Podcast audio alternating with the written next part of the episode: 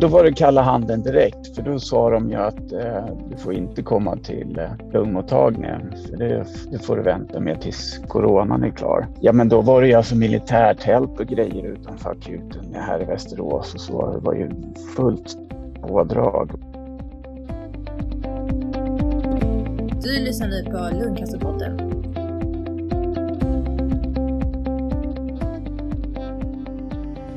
Hej och välkommen till dagens avsnitt av Lungcancerpodden. Idag ska vi belysa vårdskulden och den vårdförsening som rått under coronapandemin. För även om cancervården inte skulle drabbas har antalet som diagnostiserats med cancer sjunkit rejält under året som gått. En som drabbats är Fredrik Svedberg. Välkommen hit! Tack ska du ha. Tack. Fredrik, vem är du? Jag är Fredrik Seberg och jag kommer från Västerås. Jag är 49 år gammal.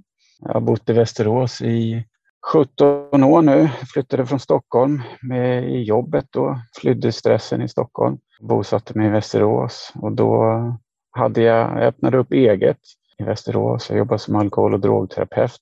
Alltid gillat och tränat och eh, spelar mycket golf och eh, sköter om min kropp. Jag har två söner på 17 och 14 år och eh, lever ensam idag i Västerås. Så jag har mina söner då varannan vecka. Hälsa, meditation och mental träning ligger mig varmt om hjärtat. Men du hade ju oturen att bli sjuk under pandemin. Om vi backar bandet lite, mm. hur märkte du att det var något fel? Vad kände du för symptom? I januari förra året började jag med en, alltså jag hade en rethosta som inte riktigt gav vika. Och hostade och hostade och hostade mer och mer. Och i takt med att min hosta blev mer och mer påtaglig så kom ju corona starkare och starkare in i samhället. Så det kändes inte direkt att man ville söka vård på grund av en liten rethosta. Men jag gjorde det i alla fall. Min hosta började i januari och i april där alltså, tog jag kontakt med vårdcentralen och frågade om inte jag skulle kunna få komma dit och då sa de det, ja, nej men nu har vi corona här och det jag upplevde det som att det mer eller mindre var stängt. Vården stod inför ett enormt arbete just då med alla möjliga restriktioner och så där. Så att eh, i april fick jag komma jag fick kontakt med dem och så fick jag astmaspray, korttidsverkande och sen så skrev de ut såna om, omeprazol till mig. De trodde att det kunde vara sura uppstötningar från magen. Hade du träffat en läkare då? Nej, det var först telefonkontakt med läkaren då. Och sen i slutet på april så fick jag komma dit två veckor efter att jag hade pratat med dem. Då, då hade det alltså gått fyra månader typ? Eller? Ja, det hade det gått och det, det jag är inte den direkt som gnäller. Man biter ihop och, och kämpar på. Och sen, så det var ju som en rethosta. Jag tänkte att det var väl förkylningstider och jag tänkte att det var väl inte så farligt. Så. När trodde du att det var något allvarligt? Jag vet inte om jag förträngde det, men jag hade ju där kanske i mars någon gång så hade jag ändå en hosta och jag hostade blod då. Så det var liksom slem i blod som kom upp. Jag hostade och hostade och hostade. Det slutade liksom inte riktigt. Jag vet inte om jag tänkte att det var allvarligt då, utan jag, jag kanske bara mest förträngde det och körde på. Men, men sökte du läkaren då? När du Nej, ja, men det var då, då sen i april som jag tog kontakt med dem och det nämnde just det där med hostan. Samtidigt så tänkte jag att jag hade ju hostat i flera månader så det var väl inte så konstigt kanske om, om stämbanden var ansträngda eller liknande. Då. Men sen då så gick det där i april och sen så då skulle jag ju prova de här astmasprayerna då. Och det tog ett tag innan de skulle ge verkan sa de. Så att det jag egentligen ville mest där eh, i början, det var ju att jag ville, jag ville ju komma till lungmottagningen direkt för specialistvård. Men fick du inte remiss då eller var det ingen som? Nej, då var det kalla handen direkt för då sa de ju att eh, du får inte komma till eh, lungmottagningen. För det, det, får du vänta med tills coronan är klar. Ja, men då var det ju alltså militärtält och grejer utanför akuten här i Västerås och så. Det var ju fullt pådrag var det ju. Men du själv hade inga sådana tankar att det kunde vara lungcancer? Nej, nej, nej, absolut inte. Det fanns inte? Nej, jag har aldrig rökt i hela mitt liv. Jag har aldrig liksom snus, inga droger eller någonting. Jag jobbar som alkohol och drogterapeut så alkoholen har aldrig riktigt varit nära för mig heller. Så att det var ingenting jag tänkte på alls. Däremot så funderar jag ganska mycket på astma eftersom min mamma har, har någon sorts ansträngningsastma. Så jag funderade på om det kunde vara det. Jag har ju spelat golf mycket och jag sprang på gym och kände väl att andningen vart sämre och sämre. Men tänkte inte på att det var cancer såklart. När fick du remiss då att komma till eh, lungavdelningen? Jag fick en remiss i juni till lungmottagningen. Och då hade jag ändå hållit på med den där korttidsverkande och långtidsverkande sprayen då, utan det var, jag tycker att det fick ett liten effekt fick jag på hostan. Det kändes där som ett tag som att den var på väg bort, hostan. Men mitten på sommaren där så fick jag en enorm heshet istället. Så jag tappade nästan rösten och jag hade liksom svårt med talet. Till exempel när jag gick på golfbanan och man gick för någon uppförsbacke eller när jag gick upp för trappor hemma så ja, men då var andningen väldigt, väldigt ansträngd och ja, det var svårt med inandningen. Så jag fick göra en sån där spirometri så småningom då, men det var ju först då i september som jag fick göra en sån här spirometri. Då. Och då hade du inte fortfarande gjort någon röntgen? Nej, den första röntgen var i oktober, för det de gjorde då jag tror också det var i september, då tittade de med, med kameran ner i halsen. Det, var som, det är som en slang som de mm. trycker ner i, i eh, svalget och tittar med kamera bara. Jag tror inte att de går så långt ner utan de tittar okay. mest eh, i halsen. Mm. Bronkoskopin, då går de ju längre ner. Och då, ja, just det. Då tar, tar de biopsier också. Ja, precis. Då nyper de ju av så den första röntgen då som gjordes i oktober, den visade ju på förändringar och de hade sett någonting. Och då var jag på jobbet när hon ringde lungläkaren. Jag kommer inte ihåg vilken dag det var, men hon ringde och så sa hon, ja, vi har sett saker på röntgen här så du behöver komma.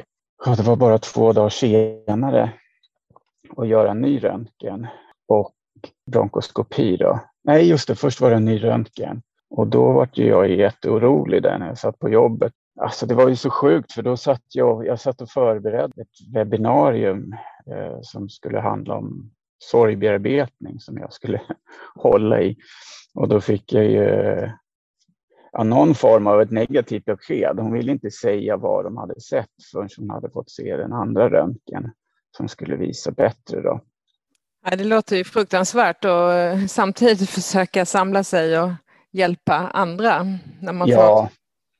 jag gick faktiskt hem på dagen där jag kände att nej, nu då kände jag att det var ju någonting fel, för då hade jag ju gått så pass länge. Det var i oktober mm. och januari började bekymren. Så att jag kände att nej, nu, nu går jag hem. Liksom, för jag kan ta inte, hand om dig. Jag kan inte göra ett bra jobb heller om jag nej. är Nej. När fick du besked då att det var lungcancer? ja, det var i den där extra röntgen då. Sen gjorde de bronkoskopin. Sen så eh, dröjde det till början på december eller slut, slutet, slutet på oktober då. När de hade gjort bronkoskopin då så fick jag besked att det var lungcancer. Icke småcellig lungcancer då med, med en sån här så kallad ALK, ALK-mutation. Då. Hur tänkte du först då när du fick beskedet om att du hade lungcancer? Ja, det var ju en, en chock, det var det. Samtidigt så satte jag ju fart på något sätt. Jag, jag tror att jag någonstans kände på mig redan innan att det var någonting som var fel. Men, men det var en chock och framförallt så var det jobbigt det här med barnen, hur man skulle prata med barnen jag låg inne på sjukhuset, hade gjort den här bronkoskopin och då kände jag ju liksom att ah, eh, då, var, då visste jag att det var cancer, men jag visste inte vilken cancer det var. Och då ville jag ju prata med barnen direkt, för de skulle ju ändå förstå att det var någonting som var fel. Men, men i och med coronan, då var det ju inga kuratorer på plats. De jobbade hemifrån och jag hade ingen lust att vänta de föreslog ett Zoom-möte någon vecka senare och jag tyckte att det var alldeles för lång tid att vänta. Men då fanns det faktiskt en sjukhuspräst som var på plats. Han kom upp till rummet, vi pratades vidare och jag hade ju mina idéer hur jag skulle prata och, och han bekräftade mycket av det som jag tänkte redan innan och det var väldigt skönt för mig att få en bekräftelse på att jag tänkte rätt. Och det kändes väldigt skönt att han fanns där och då. Och jag... Var han med när du träffade barnen eller det var nej, med innan? Nej, nej, det var innan. Nej, men han fanns där och han skickade ett sms och, och, nej, men det kändes som att han brydde sig och det, jag behövde det där och då. En medmänniska? Ja, jag har ju under den här resan så har jag ju liksom förstått att hopp är ju någonting som man verkligen behöver och som man verkligen som man behöver ta till sig på något sätt. Så att den kontakten uppskattar jag väldigt, väldigt mycket. Och han sa en sak också som jag försöker tänka på att när man har hjälpt många människor i sitt yrke så, så är man inte mer människa heller. Eh, ibland så kanske man tror att man är någon sorts övermänniska och man går in i en sorts yrkesroll, men man är inte mer människa. Nej. Och ibland så måste man verkligen bara få vara ledsen eller arg eller vad det är och försöka stanna i den känslan och inte fly den. För mig funkar det bättre. Liksom. Hur berättade du för dina närmaste? För barnen så berättade jag jag berättade inte så ingående. Jag fick ett annat tips från en bekant som är onkolog faktiskt. Det var ett väldigt bra tips också att låt barnen komma med sina frågor och alltså ha lite is i magen och ta inte kanske sin egen idé om vad barnen behöver veta utan känn av mera. Att de får komma och ställa sina frågor för att det ger liksom en fingervisning av vilken nivå och vilken undran de har. Mm. Och det var väldigt, väldigt skönt för mig att, att höra det där. För att man kanske vill liksom frälsa dem eller man säger någon, någon sorts sanning som, som kanske inte stämmer och så. Jag försökte vara ganska konkret med barnen och, och säga att så här ser det ut. Pappa är sjuk. Det här kommer gå bra. Jag kommer kämpa och fixa och vi kommer fixa det tillsammans och så vidare. Vi har ett avsnitt innan det här i Lungcancerpodden som mm. handlar om hur man pratar med barn mm. om cancer. Och det är precis vad hon sa, Johanna som vi intervjuade. Ja. Landa i din egen sorg först. Ja. Samla dig innan mm. du börjar berätta för barnen. Ja. Och var så ärlig du kan. Säg inte massa saker som du inte vet. Säg det som du känner till och ja. Ja, som du säger också, viktigt att inge hopp. Precis. Nej, men det är jätteviktigt och sen jag, jag tror det är väldigt viktigt också så här att, stanna, att våga stanna i känslan. Att, att det är okej okay att vara ledsen och det är okej okay att vara glad. Att inte fly den känslan och framförallt sätta ord på känslan. Eftersom jag har jobbat mycket med sorg och samtal och så har jag fått vara tvungen att använda mina egna verktyg. Mm. Och jag tycker det har funkat bra, har det gjort. Det låter ju fint. Hur har det påverkat dig att inte bli tagen på allvar under så lång tid? Du fick ju vänta så orimligt lång tid. Jag har funderat på det där och jag var ju med också i, i Studio 1 och pratade där och, och jag har funderat lite grann det här med, med liksom anmäla och sådana saker. Men jag vet inte, alltså, jag försöker vara i nuet så mycket jag kan och när man är inne där i hostan då livet pågår ju ändå på något sätt och framförallt om man är pappa och barn så, så det är ju fokus här och nu på ja, då var det jobbet och det är barnen och det är laga mat och det är ett visst form av ekorrhjul hela tiden. Så mitt liv fortsatte precis som vanligt egentligen med, med den skillnaden att jag inte kunde träna lika mycket. Sen fanns ju hostan där och det fanns en oro hela tiden såklart. Men det här att det är så viktigt just vid lungcancer att få en tidig mm. diagnos för ja. Eh, prognosen hur det kommer gå. Ja, där, där, kan jag ju tycka att det är lite konstigt för att eh, när, när jag kom till lungmottagningen så kändes det som, jag tyckte till exempel det här med spirometrin då som jag gjorde, det är ju sån här blåstest som man kollar lungfunktionen då för att se om man om man kan ha astma. Och så, jag fick ju blåsa. Den hade jag ju velat göra väldigt mycket tidigare än, än, än vad jag fick göra.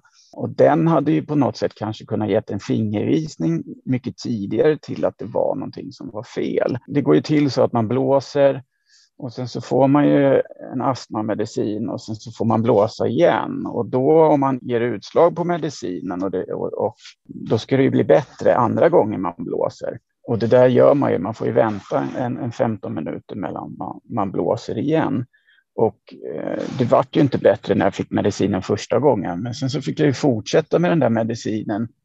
Eh, jag kommer inte ihåg om det var fyra veckor senare som jag fick komma och göra ett nytt sånt där test. Och då hade jag tagit den här astmamedicinen under den här månaden och på morgonen då så skulle jag inte ha tagit astmamedicinen utan jag skulle kommit dit utan att ha tagit den, men jag hade glömt bort det.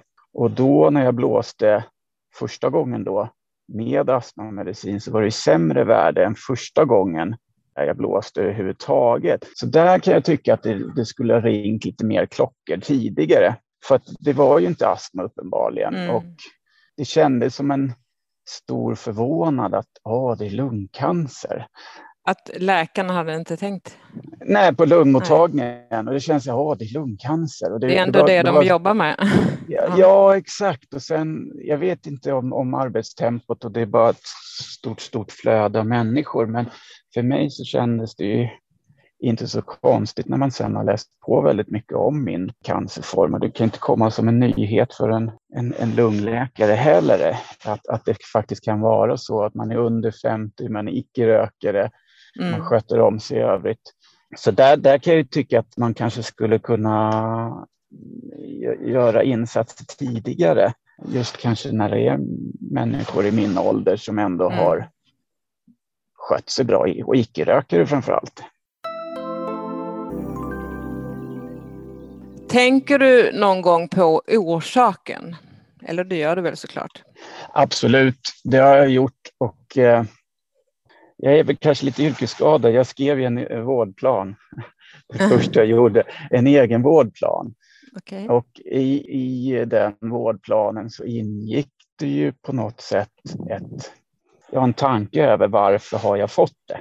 jag har väl landat någonstans i att, att det kan ha varit stress tidigare. Jag var i en relation som inte funkade så bra. Det var mycket konflikter. Jag hade stress under flera år egentligen på mitt arbete. Jag jobbade med ungdomar och kriminalitet och mycket droger. Det var en del hot och våld.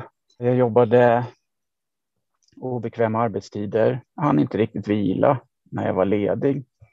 Under den där tiden så vart det ganska mycket alltså snabba kolhydrater. Min, min kost var ganska dålig under en period där. Och sen kanske att man kan lägga till en viss form av ärftlighet. En del läkare säger att det är en slump bara också. Jag har vilat någonstans i att en del vill inte tänka så, men jag vill ändå tänka så att om jag har på något sätt skaffat mig den genom en dålig stress och sådana saker. Om jag har skaffat mig den på det sättet så kan jag förhoppningsvis också få bort den genom att göra rätt. Så att det har varit en lugnande tanke i mig på något sätt att ha den här vårdplanen och det innefattar även i sorgbearbetning. Jag har lagt om min kost väldigt, väldigt mycket. Jag har en pulsklocka som, där jag håller koll på min sömn, steg, stress, eh, pulsen. När jag fick beskedet från första början så eh, var det viktigt för mig att skaffa mig hopp. Läste väldigt mycket om, ja, men på nätet, olika Facebookgrupper, mycket böcker om cancer, solskenshistorier. Jag peppade mig själv väldigt, väldigt mycket att det här kommer gå, det här kommer fixa sig. Istället för att eh, deppa ner sig och tänka att ja, men nu ska jag bocka av min bucket list. En bucket list mm. finns, det finns inte för mig, för jag vill leva här och nu. Om vi går tillbaks till eh, vilken lungcancer du har. Du sa mm. att du har en ALK-mutation. Ja. Du är eh, icke småcellig lungcancer mm. i stadium 4 vad jag förstår. Ja, precis. Så att när eh, bronkoskopin kom så visar den på att jag, det är, alltså det är modertumör som ligger och trycker på, jag tror det heter medastinum, och den har ju tryckt då på lungan och ena strupen. Det är därför jag har haft så svårt med andningen. Den är väldigt stor, eller var väldigt stor ska jag säga. Och sen var det spritt till lever, skelett och njure också. Och det är de metastaserna som gör att, att det är stadie 4 då.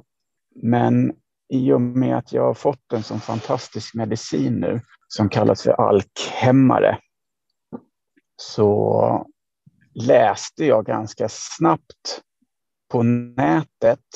Det var ingenting som någon läkare sa. Jag gick med i en alkpositiv grupp som finns i USA som, på Facebook som finns över hela världen.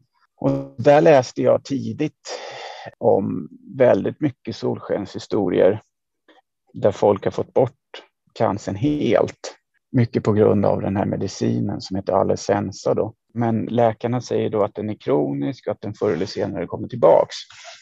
Och då kan den komma tillbaks någon annanstans i kroppen. Men i och med det så fick jag ju väldigt, väldigt mycket hopp. Min första känsla var ju då att jag hade en god vän här till exempel i Västerås som dog i koloncancer. Han gjorde just så där med bucket list och ja, men ville liksom göra massa saker innan han skulle dö och den tanken fick inte jag alls utan jag ville liksom leva här och nu dag för dag någonstans. Och, eh, men den här alkpositiva mutationen då efter en ny röntgen nu som jag har gjort här för en tre veckor sedan så visar det sig att alla metastaser är borta. Så lever, skelett och njure, de metastaserna är helt borta och modertumören är, den har gått ner kraftigt. Fantastiskt. Ja, det är fantastiskt, men det är helt enligt plan. Ja, hur länge tror du att du kan stå på Alecensa då? Jag vet faktiskt inte. Jag har inte läst så mycket om det. Jag har läst de här solskenshistorierna. Jag har läst om folk i USA som har liksom haft i sex, åtta, tio år på den här mm. Mm. Så det är någonstans där jag vilar och sen så har jag hört också att det finns eh, andra och tredje generationens Alecensa som är på väg. Och sen så ligger forskningen väldigt, väldigt långt framme Precis. nu. Eh, vad får du för biverkningar? Jag har inga biverkningar alls. Det kan vara min eh, aptit som är jobbig ibland. Jag hade, I början så hade jag nästan ingen aptit alls. Det var en enorm kamp var det. Jag var nere på 78 kilo ett tag, jag är ändå 1,92. Så att, men, men sen jag har börjat med medicinen så har jag stadigt fått tillbaka aptiten och jag har gått upp 6 kilo nu sen botten, bottenrekordet så att säga. Du har ju sagt Fredrik att du inte vill bli ett offer. Mm. Utan du vill samla kraft och hjälpa andra som är drabbade. Hur tänker du då? Ja, det som jag gjorde i början när jag fick min diagnos, det var ju just att jag läste om hopp, framtidstro och goda berättelser och bemötandet från prästen där och då när jag behövde det, det ingav hopp med, medkänsla och kärlek någonstans. Och eh, även den här second opinion-läkaren som jag efterfrågade på Karolinska, han kunde också ingjuta hopp. Och jag kände väldigt tydligt att man mår så himla mycket bättre av hopp och framtidstro och höra andras berättelser, hur det har gått för dem. Mm. Och eftersom jag har jobbat som jag har gjort med samtal och grupper så, så, och även sorgbearbetning så kände jag ganska tidigt att jag eh, hade väldigt mycket att ge och att det skulle kunna ge väldigt mycket till människor som, ja men man kanske känner sig ensam hemma, man har tufft med familj och nära vänner som har sin uppfattning om hur det är att ha cancer. Många människor springer man ju på som, som har sin egen bild av hur det är med cancer för att man har alltid någon anhörig som har dött eller har varit sjuk mm. och då tänker folk att det är så för alla cancerformer. Men det, jag vet inte, det finns väl över 200 cancerformer så att det, och sen är vi individer allihopa så det är väldigt olika men en kärnsak tycker jag är det här med hopp och framtidstro, att kunna se framåt och se positivt i, i även de små sakerna. Din inställning till livet, kan man säga att den har ändrats sedan du blev sjuk? Att du värdesätter livet annorlunda? Ja, det tycker jag att det gör. En del av min, den här vårdplanen som jag nämnde, det är ju också att försöka se positivt på saker och ting. Jag har aktivt valt bort vänner som kanske inte ger mig positiv energi. För jag vill inte ödsla min energi på, på sånt som inte ger mig någonting. Jag tror också att min, min kostförändring och just de här basala sakerna som kost och sömn och motion, kan man hålla dem i, i balans så har man väldigt mycket vunnet tror jag. Jag tror att jag uppskattar livet mer på ett annat sätt och det jag sa det till någon kompis att det är liksom få förunnat att ha det som jag har. Där man går hemma, man har det lugnt och skönt, man har ingen stress, man tänker på sig själv fysiskt och mentalt. Det enda som har varit stressande är egentligen ekonomin och nu blir det ännu mer stressande i och med att Försäkringskassan då kommer ändra min ersättning här nu då. Det är ju ingenting man vill hålla på och bråka med när man har så mycket annat. Det tar ju Nej, energi. Precis. Gör du något speciellt för att cancern inte ska växa? Du pratade om att du försöker äta nyttigt och motionera och du liksom har lagt om eh, kosten, eller?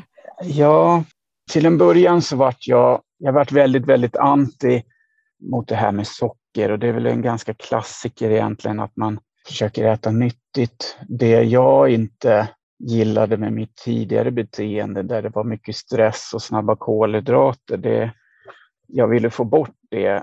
Dels för att det inte känns så nyttigt och sen så var för mig socker, när jag säger socker så är det liksom godis och läsk, en, en känsloflykt ja, och dämpa känslor. Och det var ju något som jag verkligen inte ville göra nu och fly, utan jag ville vara kvar i, i det jobbiga eller det glada. Så för mig så var det ganska tufft val, men ändå ganska enkelt. Jag bytte ganska mycket till LCHF och jag har försökt att undvika kolhydrater för det, precis som socker och godis, så blir det, kan det bli höga toppar och djupa dalar. Så jag försöker undvika kolhydrater. Nu har jag börjat äta en del kolhydrater ändå. Har du blivit vegetarian eller? Jag äter ganska mycket vegetariskt, det gör jag. Jag försöker undvika rött kött, för det finns det forskning på att det inte är så nyttigt. Jag äter mycket fisk, fågel. Jag gör mycket smoothie där jag har mycket vitaminer i, mycket bär och kokosfett som är nyttigt och sådana saker. Men vad som kan kännas svårt för oss med en dödlig sjukdom är den här vetskapen att vi kanske inte har så lång tid kvar. Mm. Och samtidigt så kan man ju känna sig helt frisk med den här eh, mm. bra medicinen mm. som du får. Hur hanterar du dessa svängningar? Eh, jag har en del svängningar har jag. Jag kan komma i liksom som en bubbla. Jag hade en bubbla innan röntgen och det brukar man väl säga att det är någon sorts röntgenångest. Jag var hela tiden bestämd på att det skulle se bra ut för det kändes så bra i kroppen. Men, men eh, eh jag mediterar mycket, gör jag. Eh, och jag försöker att inte undvika känslan när den kommer. För mig funkar det bra att kunna sätta ord på det och inte fly. Tidigare har jag kunnat fly kanske genom att sticka ut och träna eller tröstäta någon chokladkaka. Och för mig så har det varit skönt också att liksom kunna gå tillbaks till min egna vårdplan. Den känns trygg liksom. Jag är lite nyfiken på hur den där vårdplanen ser ut. ja, men det, det är allting från, ja, men det är som jag nämnt för det här med kosten. Jag försöker meditera. Eh, jag har mina steg som jag försöker gå. Jag försöker gå minst 10 000 steg om dagen. Nu i och med att, att, att det var ett sådant bra resultat på röntgen och eh, modetumören har gått ner så pass mycket så, så kan jag springa mm. igen. Det finns det ju forskning på att just alltså, kondition och alltså promenader, det är ju bra eh, syresätta för cancern. Sen är det alltså motivation och sen är det olika mål. Jag sätter upp mål så att till exempel nu så, jag har ju gått upp 6 kilo och jag ska gå upp 2 kilo till har jag tänkt. Jag försöker glädjas åt de små framstegen hela tiden. Hur har din närmaste omgivning reagerat på att du har fått lungcancer? De har ju svårt att förstå eftersom jag ändå har mått så pass bra och varit så pass positiv ändå. Eh, mina föräldrar har ju haft det tufft såklart. För dem har det varit en pers. Jag, jag gjorde så att i början där när jag ändrade på min kost och min pappa gillar att laga mat så jag styrde upp honom på att laga massa mat. så att han, han fick en, en, liksom en viktig uppgift i det där och han tyckte att det var liksom tryggt på något sätt att kunna laga mat och, och, och veta någonstans att jag fick nyttig mat, att jag mådde bra av det. Och det var en praktisk sak som de kunde hjälpa till med. Och barnen, hur har de reagerat? Jag tycker det har funkat bra med dem. Sen är de hos mamma varannan vecka, men de är också inne väldigt mycket i sitt nu. De är tonåringar och det händer mycket i, i, i deras liv. I de olika individer också. Den ena är ju lite mer känslosam. Där har vi kunnat prata lite mer. Den yngsta, han är 14 då, han är mer inne i sitt. Och när jag var jätteglad efter vi hade fått besked från röntgen så sa jag, nu, nu, det här var jättebra besked och det känns jättebra och sådär. Och då sa han så här, ja, är du typ frisk från den där cancern nu då, eller vad då? De är väldigt krassa. ja, och, och, det var ju på något sätt, apropå det här att vänta in honom, det var väl på något sätt hans nivå då. Så, ja, inte riktigt än, det, det här var jättebra besked och det går framåt. Sen är det så galet det här med corona och alla restriktioner och allting så. Där har det varit jobbigt. Någon gång har de ju fått vara hos, hos mamman kanske i två veckor då för att de har haft förkylning där hemma. Och det har ju varit jobbigt att, att inte kunna ha dem lika mycket hos mig då. Hur tänker du om framtiden då? Ja, jag ser ljus på framtiden. Jag jag tror väldigt mycket på forskningen och, och eh, medicinerna som kommer i framtiden. Jag tyckte det här med gensaxen som de vann eh, Nobelpriset för var väldigt fascinerande. Försöker vända negativt till positivt och nu får jag ge mig ut och jobba på något sätt nu då i och med att eh, Försäkringskassan kommer sänka min ersättning jag är väl tvungen att jobba, men jag behöver inte jobba kanske 100 procent, utan jag får väl ta det i, i min takt så att säga. Då. Vad vill du hinna med i livet? Du sa att du inte hade någon bucket list. Det är något annat du tänker? Nej. Eh, jag försöker på något sätt nu, så det är ju så pass tidigt nu eftersom det är bara, jag har ätit medicinen snart i fyra månader. Så att man, för mig så blir det lite att man lever vart, var tredje månad nu till nästa röntgen. Jag har svårt att tänka långt fram. Semester i sommar till exempel, för jag vet inte riktigt hur det blir med ekonomin. Jag försöker ta en dag i taget. Ja, men hålla fokus här och nu på något sätt. Då. Var hämtar du kraft? Ja, det undrar jag också.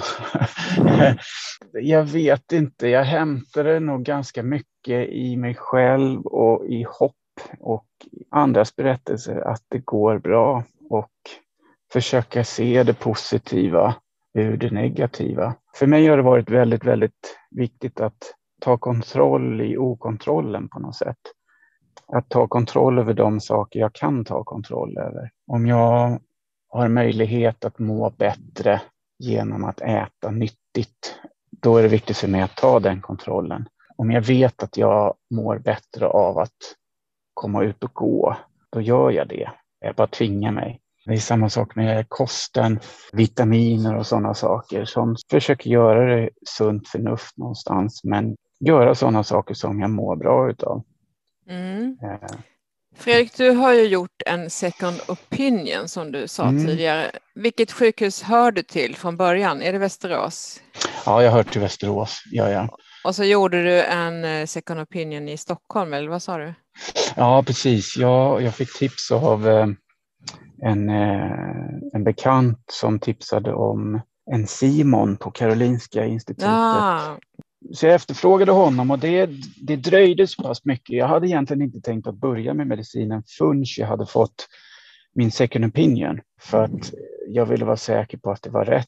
Det var inte så att jag tvivlade på min huvudläkares rekommendation. Men det dröjde så länge med den där second opinion och, och apropå det här med att hitta hopp och kontroll i okontrollen så lusläste jag ju på Facebookgrupper och i den här ALK-positiva och, och kom ju fram ganska snabbt själv till att den här Alecensa var ju den medicinen som var absolut bäst. Så en och en halv vecka efter att de tyckte att jag skulle ha börjat med medicinen Mhm. så, sa, så sa jag att vi kör igång med den där nu. Så struntade jag i second opinion. ja, fick du samma svar av honom ungefär? Ja, absolut. Jag fick samma svar. Eh, och han ringde upp sen, men det var ju två månader senare. Men han är var ju- väldigt populär. Han har så mycket patienter.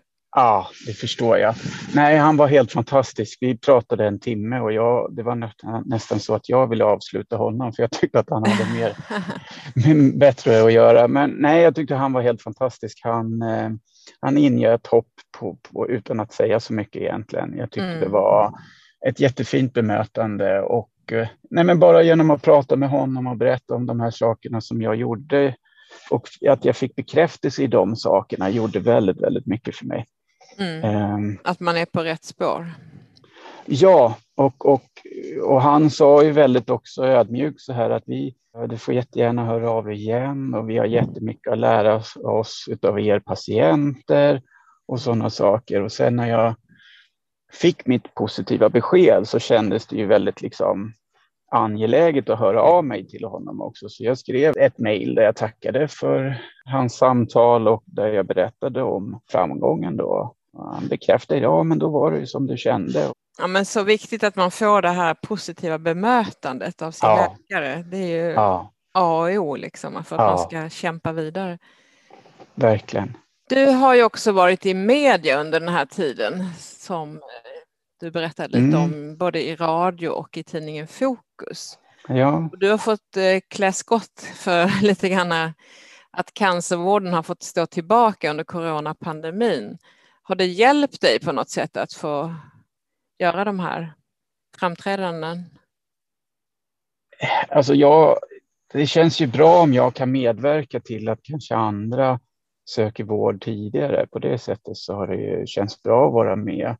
Och sen så blir det väl lite av en sorgeprocess att prata om sitt egna. Första, det var ganska tufft när Fokus ringde mig, den journalisten. Vi pratade i telefon en timme och då gick det ju upp för mig på något sätt alla turer kring min hosta och alla vårdkontakter som var. Jag fick ju liksom sätta mig och skriva ner för att jag kom inte ihåg hur, hur, hur jobbigt det hade varit egentligen. Så på det sättet så har det ju... Ja, jag har inte kunnat ducka och fly så att säga. Mm. Och sen så är det ju bra om, om, om, om man kan belysa just det där att folk, faktiskt behöver söka hjälp och vård och inte bara vara hemma. Verkligen. Det har ju många belyst i media Mm. men det har ändå, som Mm. i ditt fall, Ja, blivit fel. Stort tack Fredrik. Är det någonting som du vill lämna våra lyssnare med? Nej men det är nog det här att, att våga söka hjälp tidigare om man har bekymmer och sen så att våga vara kvar i känslan. Det är inte så jävla enkelt alltid men jag är bra skonad på det sättet att min cancerform är ju mild jämfört med många, många andra. Kanske försöka ingjuta hopp i någon också. Mm. Ja, Fredrik, tack. Du är ju väldigt medveten och har, eh, som du sa, gjort en egen vårdplan och du har liksom jobbat mycket med dig själv. Det kanske är någonting som du har gjort tidigare också, men det här med sorgebearbetning, det tycker jag Mm. låter intressant och skulle önska att du skulle vilja kanske vara med i Lungcancerföreningen och jobba med det. Ja, ja, spännande, absolut. Jag har ju funderat mycket på att jag ska starta upp min firma igen och, och, Mm. och starta grupper på det Precis. sättet. Sen är det viktigt att inte stressa Det får ta den tid du behöver. Precis, precis. Mm. Men stort tack för att du vill vara med idag. Och tack till Taylor för inspelning och tack till er lyssnare. Och på återhörande. Och vill du kan du gärna gå in och kommentera avsnittet på vår hemsida www.lungcancerpodden.se. Ha det så bra allihopa. Hej då! Tack, tack. Tack, tack.